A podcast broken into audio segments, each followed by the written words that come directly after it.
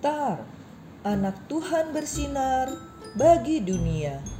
Renungan harian tanggal 14 Februari. Untuk anak balita sampai dengan kelas 1 SD. Tuhan menyembuhkan. Diambil dari Matius 8 ayat 13b.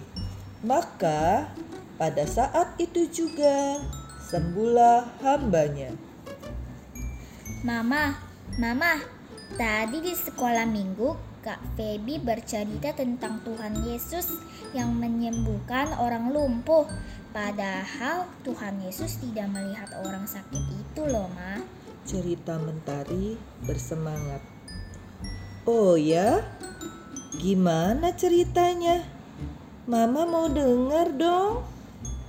Tuhan Yesus dan murid-muridnya sedang berjalan bersama-sama.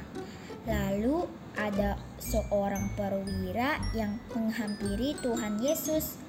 Kata perwira itu pada Tuhan Yesus, "Tuhan Yesus, hambaku sedang sakit lumpuh di rumah.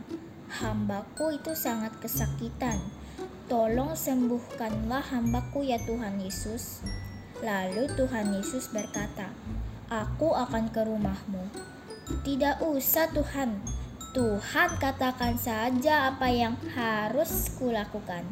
Aku percaya Tuhan Yesus pasti bisa menyembuhkan. Kata Tuhan Yesus, pulanglah ke rumahmu, hambamu itu sudah sembuh. Sesampainya perwira di rumah.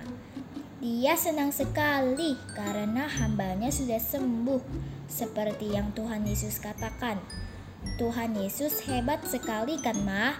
Walaupun Tuhan Yesus tidak bertemu dengan hamba yang sakit, tetapi Tuhan Yesus bisa sembuhkan. Benar, Tuhan Yesus sangat hebat. Apa Mentari tambah percaya Tuhan Yesus? Hmm, Nanti Mentari coba kalau Mentari sakit ya, Mah. Adik-adik, kita juga bisa belajar percaya seperti Mentari.